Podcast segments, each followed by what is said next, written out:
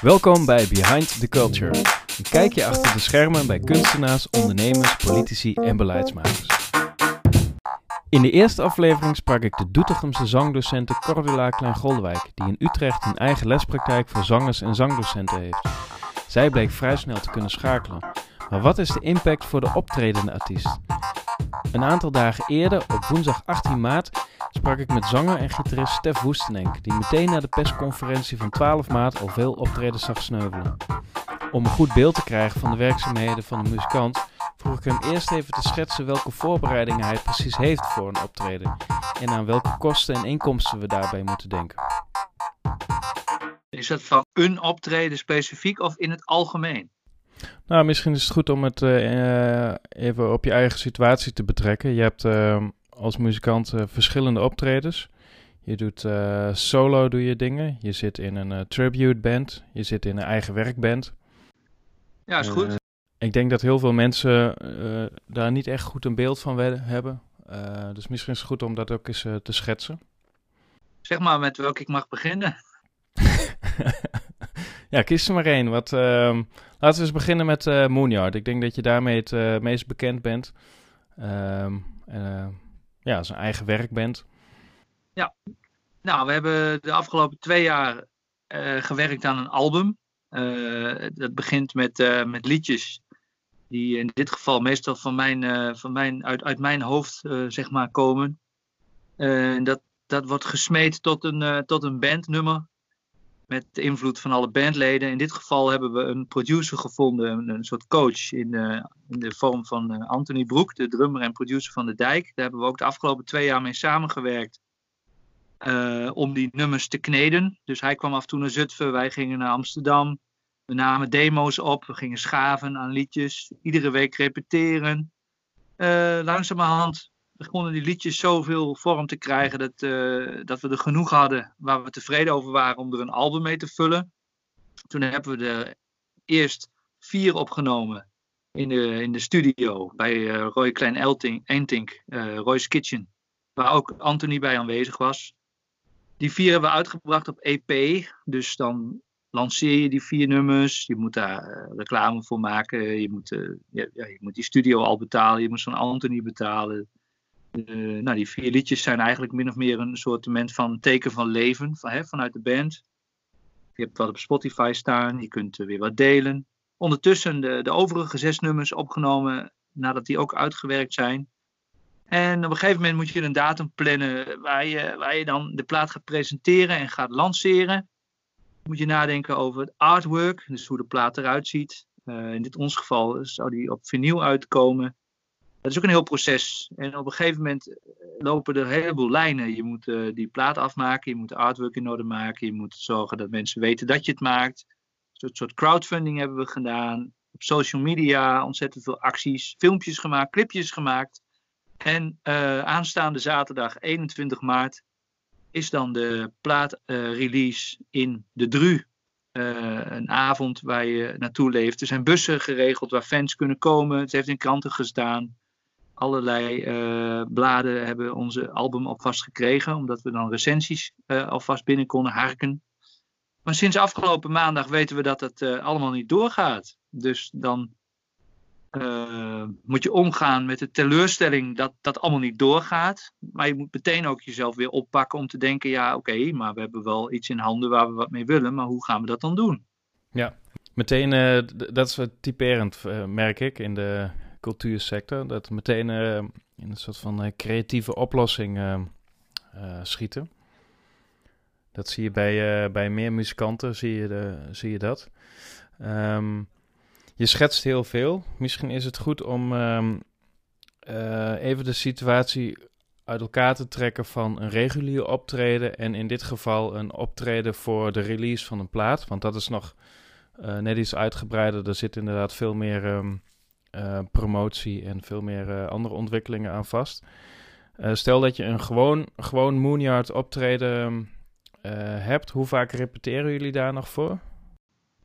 Wij repeteren met Moonyard iedere week, omdat we dat ritme hebben, omdat we met eigen werk oefenen, omdat we dat eigenlijk al jaren doen, bijna 15 jaar. En eigenlijk is het elke keer dat we van de ene project naar de andere toe werken. Dus dat is dan nieuwe nummers maken weer voor een nieuwe plaat. Maar ook puntjes op de i voor een optreden. En uh, als je een optreden regelt, dan, ben, dan is de, degene die ons uitnodigt daar druk mee. Maar wij ook op social media, setlisten maken. En hoe lang uh, duurt de optreden?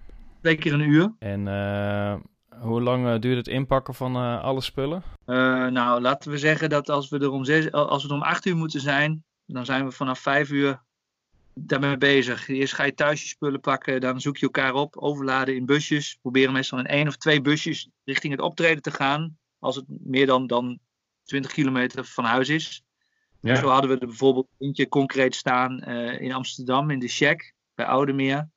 Ja. Nou, dan moet, je op tijd, dan moet je op tijd weg en dan kom je laat thuis. Uh, dus meestal, meestal tussen de 8 en de 10 uur ben je wel uh, bezig met het vertrek van huis. Tot het moment dat je weer, dat je weer thuis komt. Ja, precies. Dat ligt er ook aan wie je geluid doet, of je zelf geluid doet. Uh, of, de, of het een plek is waar eerst mensen moeten eten, waar je moet wachten. is de file onderweg, ja of nee? ja, je, je, je houdt met alles rekening.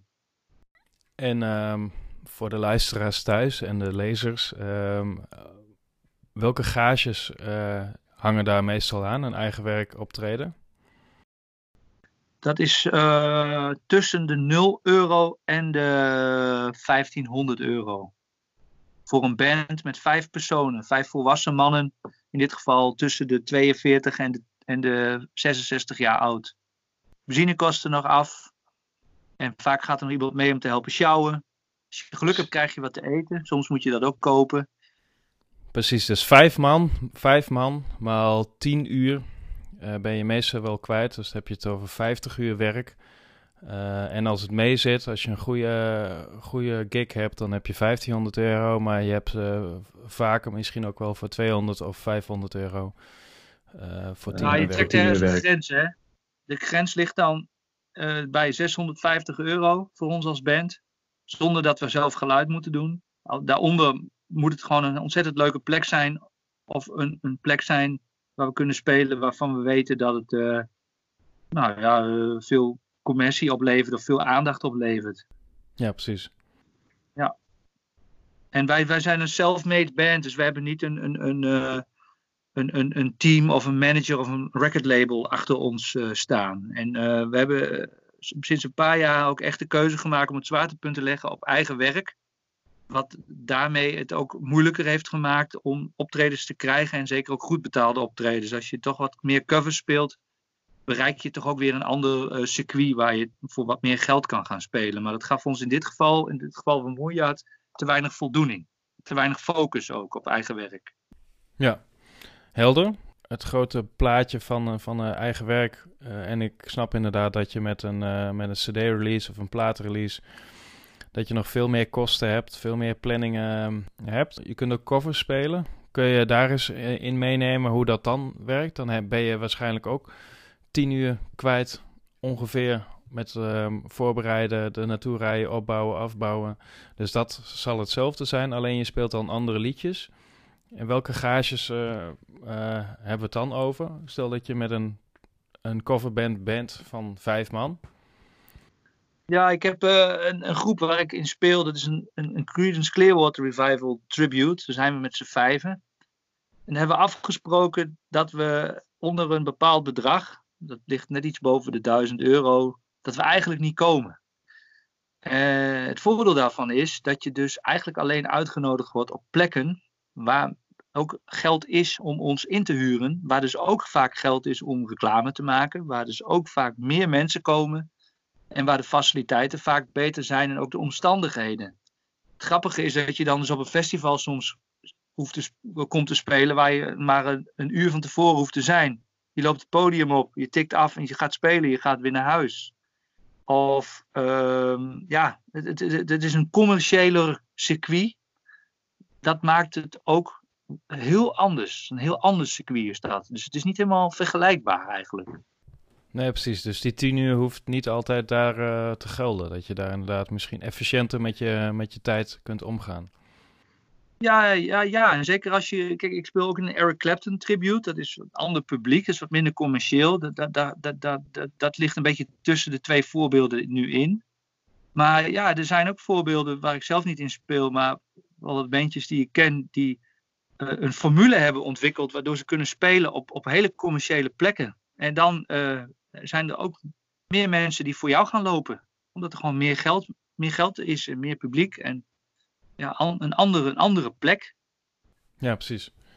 Maar het, eh, de voldoening, moet ik dan zeggen, van het spelen van eigen werk, is weer een hele andere waarde dan de waarde die je in geld kan uitdrukken. Dus voor mij persoonlijk is, is die combinatie uh, heel leuk. Om beide, en ik doe daarnaast nog wel andere dingen, maar geval die twee circuits, zeg maar, uh, binnen te treden. En soms versterkt het een ook het ander. Als ik ergens met een tribute band kom en het bevalt goed, dan zeg ik: Hé, hey, moet luisteren, ik heb hier een cd'tje van mijn eigen band.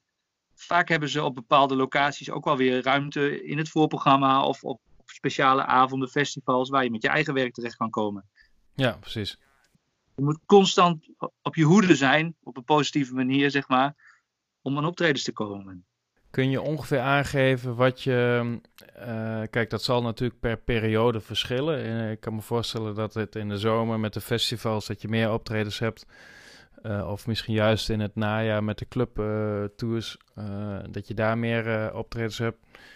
Maar dat je kunt aangeven wat nu deze periode, dat gewoon tot 6 april geen optredens zijn, wat dat voor jou als optredende muzikant heeft gekost.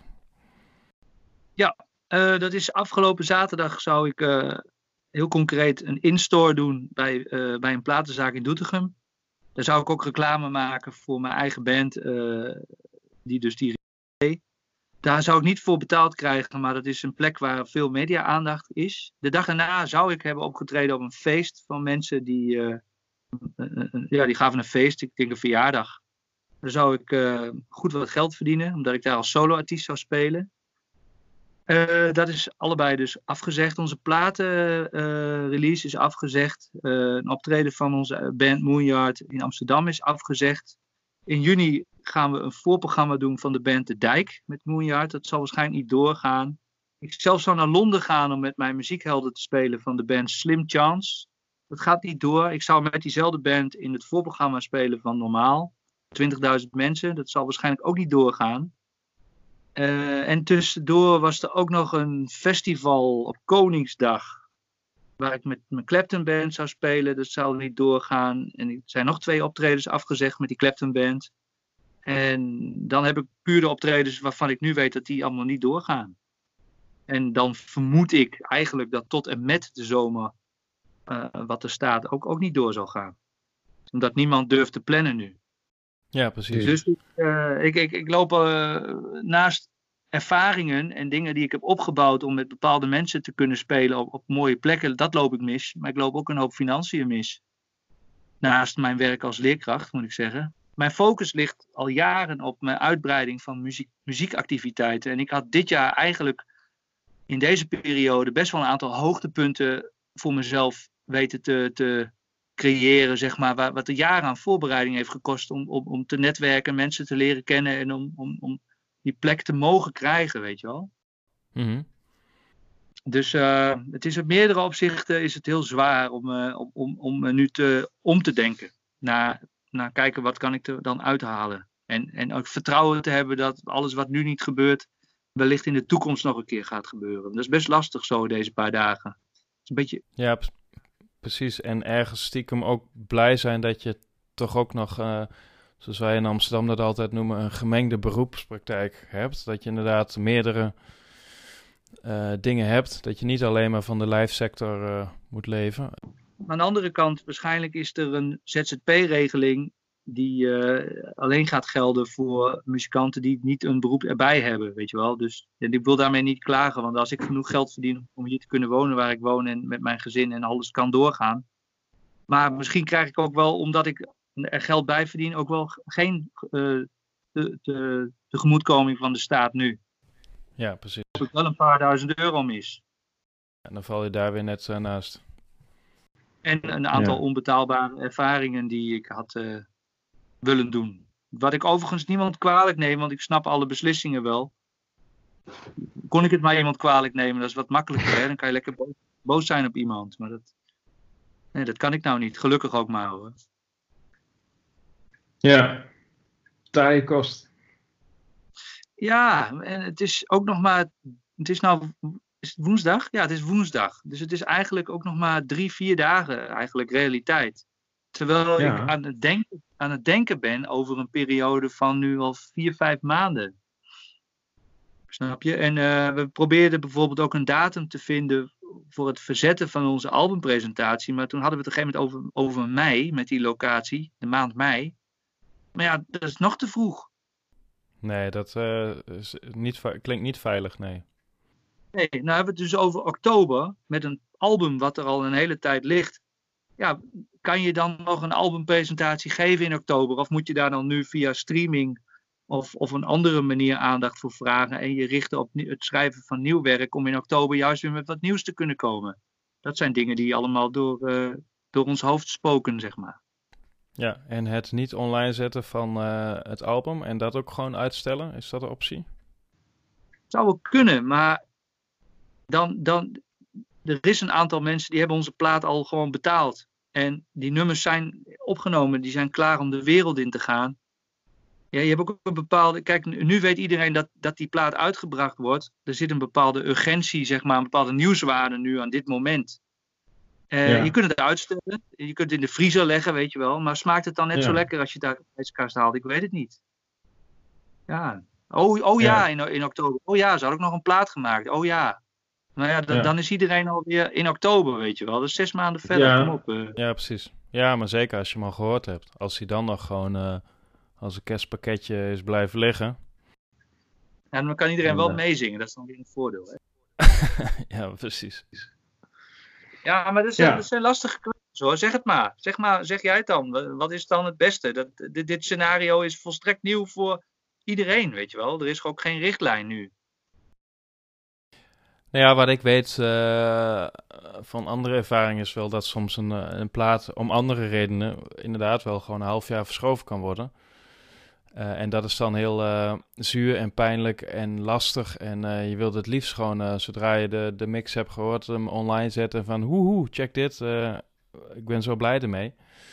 Maar het is die hele mediamachine die je beschrijft, de locatie waar je het doet en die machine gebruiken voor de promotie en een fysiek moment creëren met z'n allen om, eh, om de euforie van eh hoe, hoe, daar is die. En we pakken hem uit en we kunnen hem kopen. En eh, dat is denk ik wel heel waardevol.